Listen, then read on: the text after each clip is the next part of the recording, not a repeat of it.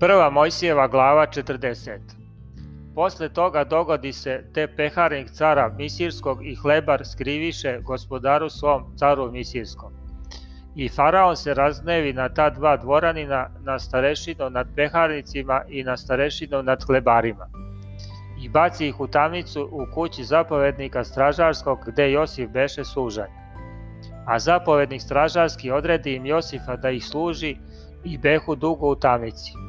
I usniše san obojica u jednu noć, svaki po značenju svog sna za sebe i peharnik i hlebar cara Misirskog, koji behu sužnji u tamnici.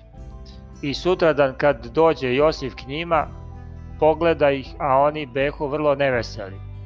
Pa zapita dvorane faraonove, koji behu sužnji s njim u kući gospodara njegovog i reče, što ste danas lica neveselog? A oni mu rekoše, san usni smo obojica, a nema ko da nam kaže šta znači. A Josif im reče, šta znači, nije li u Boga, ali pripovedite mi.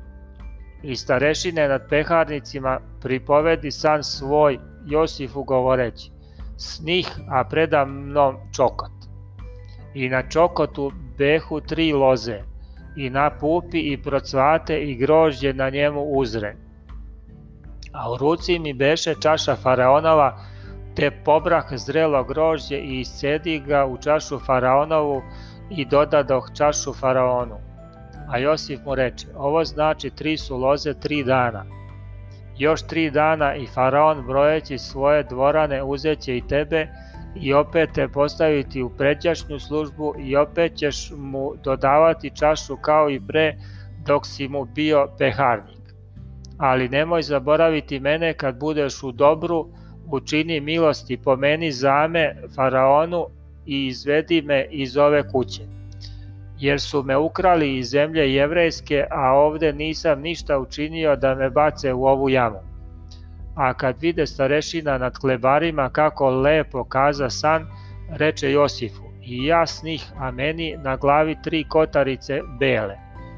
A u najgoroj gornjoj kotarici beše svakojakih kolača za faraona i ptice jeđahu iz kotarice na mojoj glavi.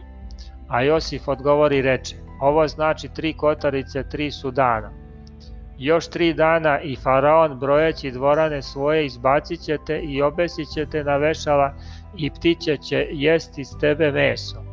A kad dođe treći dan, to beše dan u koji se rodio faraon i učini faraon gozbu svim slugama svojim i naiđe među slugama svojim na starešinu nad peharnicima i na starešinu nad hlebarima.